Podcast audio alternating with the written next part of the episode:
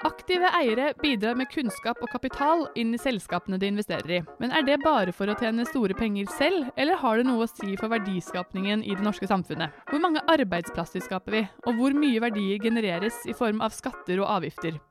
Og hva betyr det egentlig at vi er med å utvikle morgendagens næringsliv? Det skal Joakim Høeg Krohn, administrerende direktør i Argentum, fortelle oss mer om. Argentum er et statlig fond som investerer i andre WC- og PE-fond, et såkalt fond i fond, eller en limited partner. De begrepene kan du høre mer om i introduksjonsepisoden. Men uansett, Argentum måler hvert år hvilke verdier som fondene de investerer i, skaper. Joakim har ledet Argentum i 15 år og har god oversikt over hvordan norske og utenlandske aktive eiefond bidrar inn i det norske samfunnet. Velkommen til Unotert.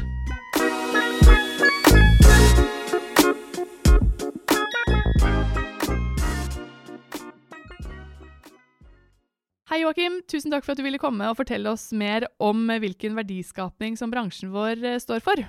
Takk, Ellen. Veldig hyggelig. Så først av alt, for å få et eh, perspektiv på det her, hvor stor del av næringslivet utgjør eh, unoterte selskaper? Ja, vi har ikke helt eksakte tall for det, men vi kan jo se litt på det vi kaller fundraising, eller kapitalreising, i fondet. Og I Norge så er det slik at normalt sett så reiser ca.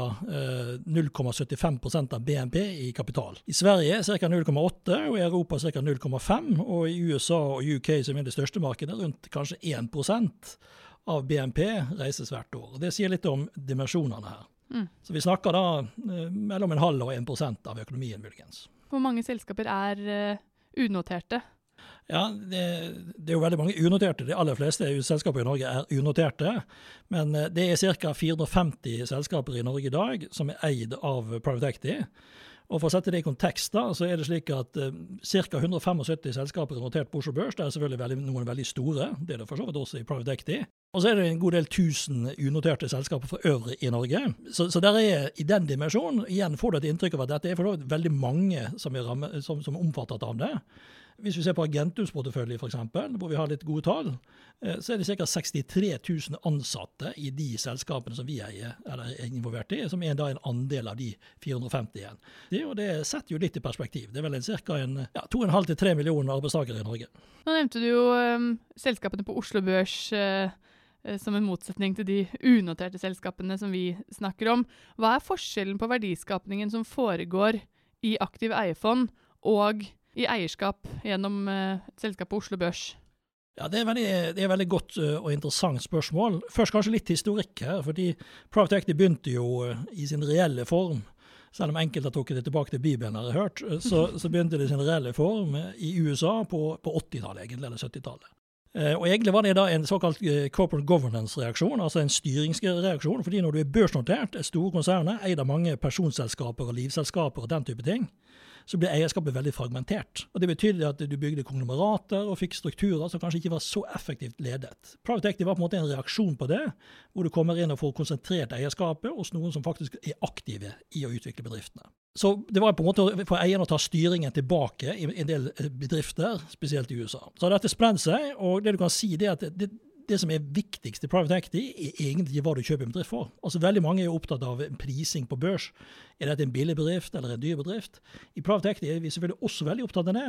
Men det vi erkjenner, det er at det viktigste verdiskapningen for et, fond, for et selskap som er eid av private equity, skjer egentlig ikke noe for hva vi betaler for bedriften, men hva vi gjør med den etterpå. Og Det er det vi kaller aktivt eierskap. Og Da dreier det seg om vekst, f.eks. Det å klare å få bedriftene til å vokse det å få, eh, få, ut mer effektiv drift av selskapet, det å utløse nye prosjekter i, eh, og tilføre kapital som kan utløse nye prosjekter. Og Det ser vi i våre analyser, både når vi skal investere i fond, men også når vi ser på disse verdiskapningsanalysene vi har gjort, at veldig mye av verdiskapningen for vår del, og den avkastningen vi har fått, kommer egentlig ikke som en kilde fra hva de betalte for bedriften, men faktisk hva de gjorde etterpå. Så når vi selekterer fond, så er det det vi jakter på.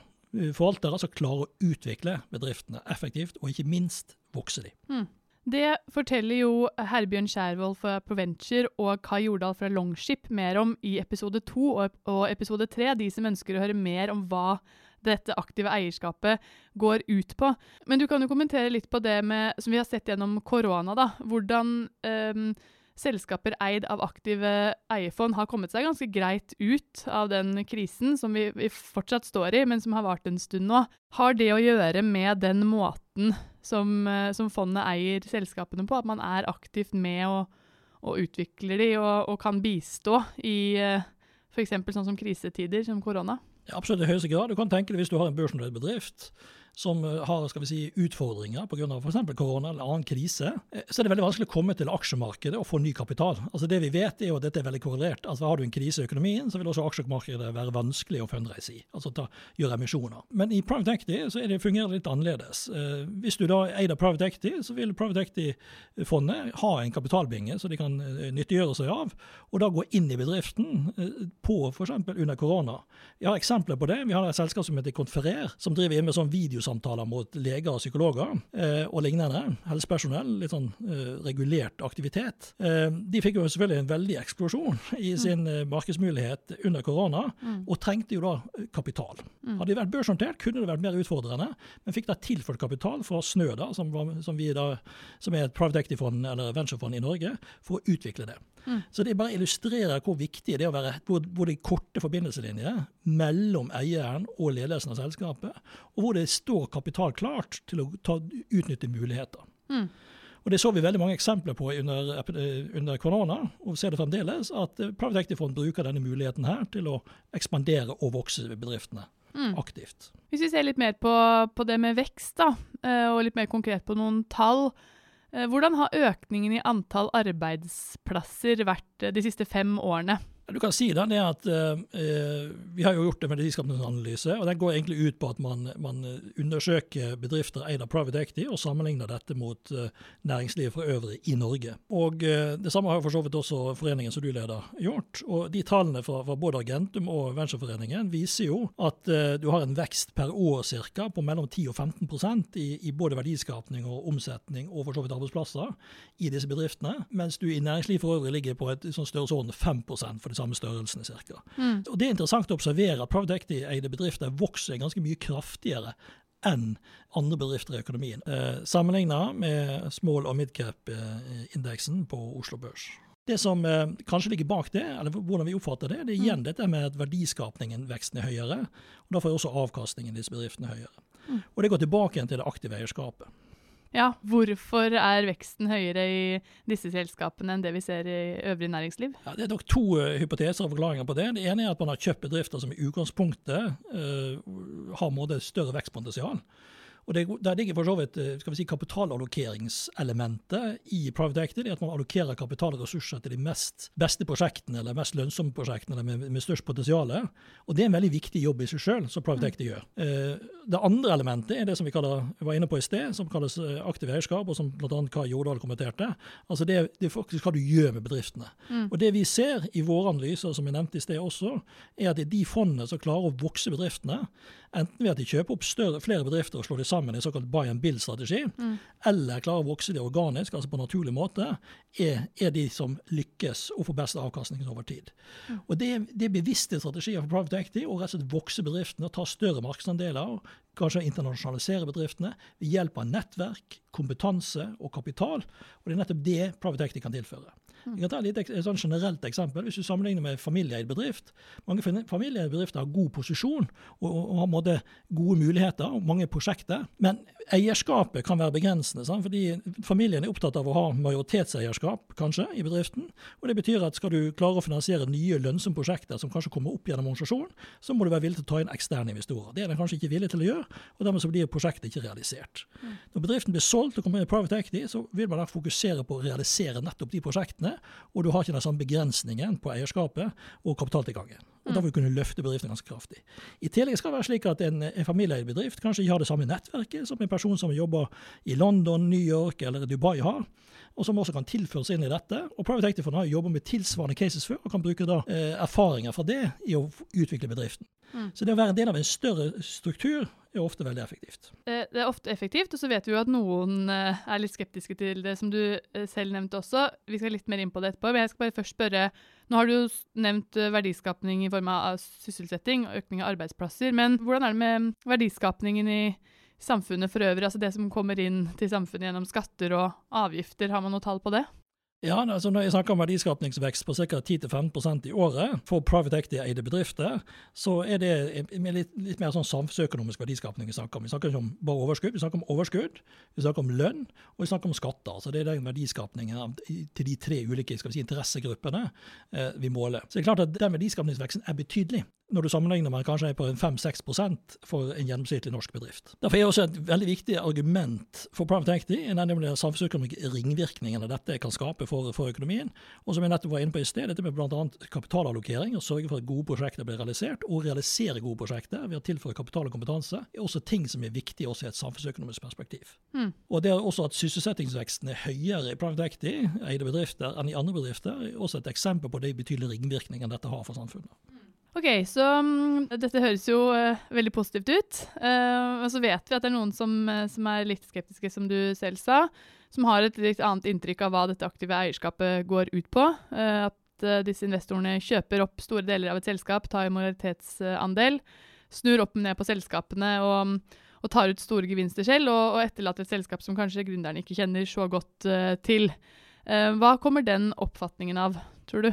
Vel, altså, eh, Private i Norge av, og Norden er jo en del av et større marked. Eh, som sagt, som vi var inne på i sted, begynte i USA. Eh, og Private har gått gjennom ulike faser. Eh, det er litt som respons på de ulike behovene som ligger der. Når Private begynte i sin tid, så var det ofte for å bryte opp som jeg sa, store karteller, ineffektive drevne organisasjoner. Og, og Da fikk du kanskje litt mer det inntrykket du der snakker om, men det var også helt nødvendig. fordi de organisasjonene var kanskje ikke effektive. Det var ikke en effektiv kapitalallokering å ha store eh, konglomerater eh, på børs, f.eks.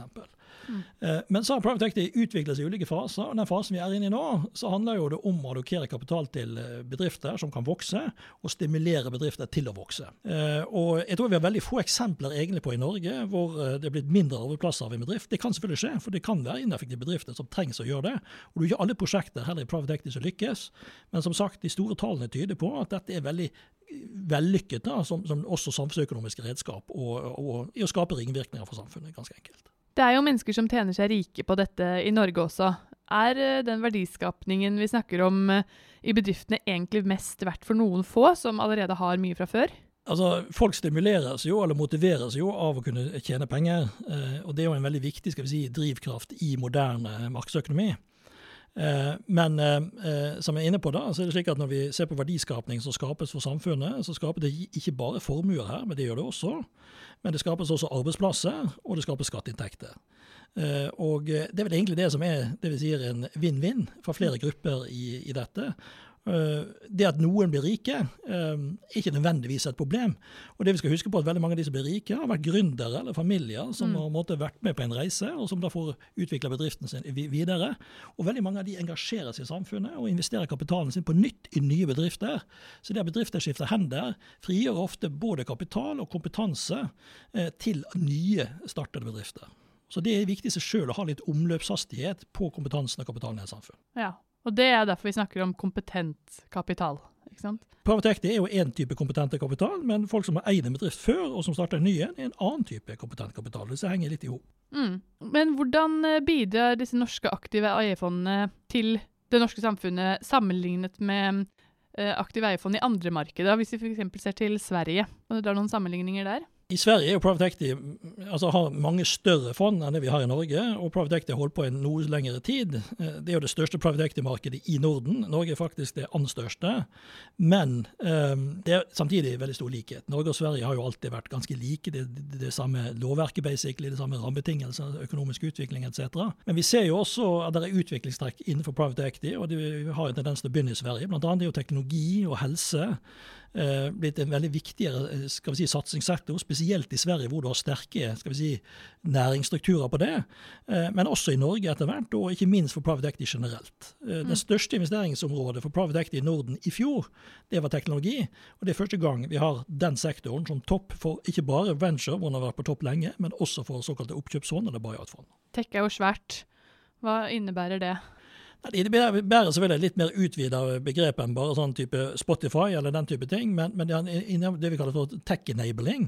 Altså type Signicat, eh, type Konferer, som vi snakket om. Altså servicer som bruker teknologi til å bedre sitt skal vi si, produkt eller tjeneste til eh, sine kunder. Og, og, det er jo en trend som har vært ganske sterk de siste fem årene.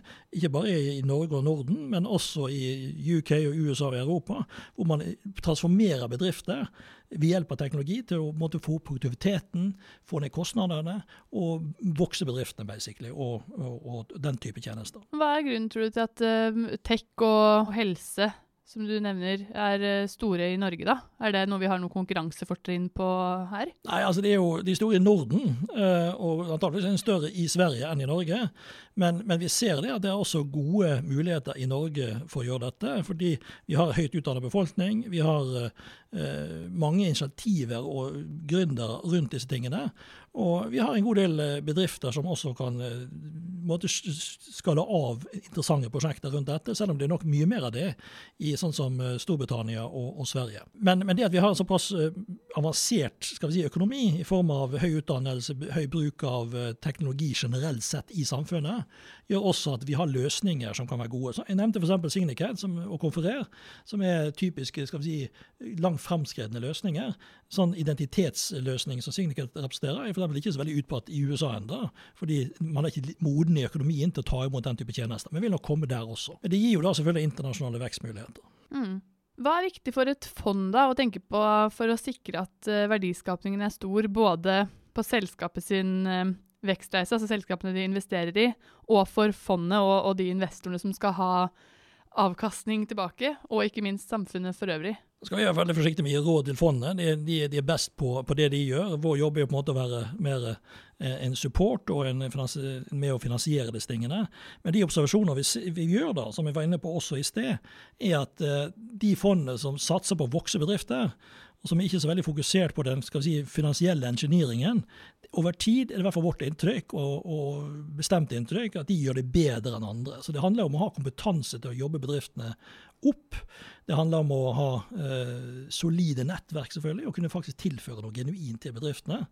Det er nok nøkkel, og det tror jeg veldig mange fond er fullstendig klar over. Og det er også det veldig mange investorer sånn som oss er opptatt av når vi ser hvor vi skal plassere våre penger. Tiden vår begynner å gå mot uh, slutten, men helt uh, avslutningsvis. Um, nå har jo uh, næringslivet utvikla seg raskt også før aktive eierfond vokser frem i Norge. Hvorfor er denne formen for eierskap viktig for å være med å utvikle det som skal være morgendagens næringsliv? Den er viktig fordi det er en lavere terskel å komme altså hvis du skal starte bedrift, eller har en bedrift som har måte, behov for å utvikle seg videre, så er det en lavere terskel å komme til private equity-fond, det være seg venture eller buyout, for å komme seg videre. Det å børsnotere selskap er krevende. Det å få hjelp av andre institusjonelle investorer er nesten umulig. Så det at du har aktører som er villige til å se på unoterte bedrifter og ta tak i dem og være med å utvikle det videre, er i seg selv veldig viktig for å få økonomien fremover.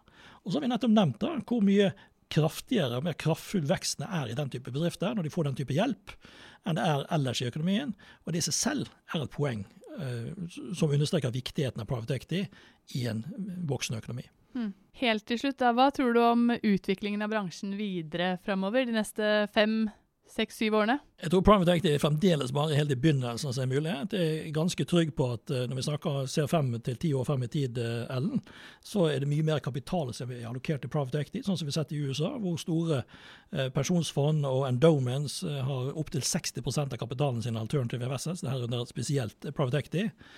Jeg tror, eh, som vi også har sett en trend, som, ikke, som har måttet sluttet akkurat nå, da, men den lange trenden er at bedrifter tas av børs, og ikke på børs, selv om det har vært et unntak det siste året. Eh, så jeg tror eh, veldig mye av det kommer til å skje i de neste årene, og at Private Acty har en veldig lysende fremtid. Da må jeg jo spørre om det med, som du nevner med børsnoteringer, og særlig kanskje Euronext Growth, da, som vi har sett mye av det siste året. Hva tenker du om den veksten? Er bekymret, sant? fordi det er lite analysedekning eh, på mange av de bedriftene som går på børs. Eh, Private Equity ville nok ha vært mer kritisk enn børsen til en del av de investeringene, uten å trekke noe spesielt frem. Og jeg er redd for at det gir et tilbakeslag når noen av de kommer til å feile, til at folk blir bekymra for å investere på børs. Og det er uheldig, fordi børsen trenger vi.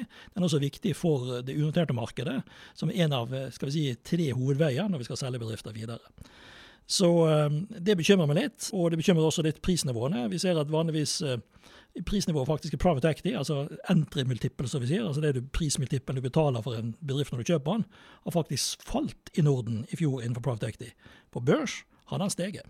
Og Det forklarer nok også hvorfor veldig mange ting blir så på børs, og ikke på private equity. For å avslutte på en eh, positiv tone, så tror jeg vi bare slutter med det at bransjen fortsatt har en lysende fremtid, ikke sant? Definitivt. Ja. bransjen, det er børsen er bekymret for, ikke bransjen. Ja, så bra.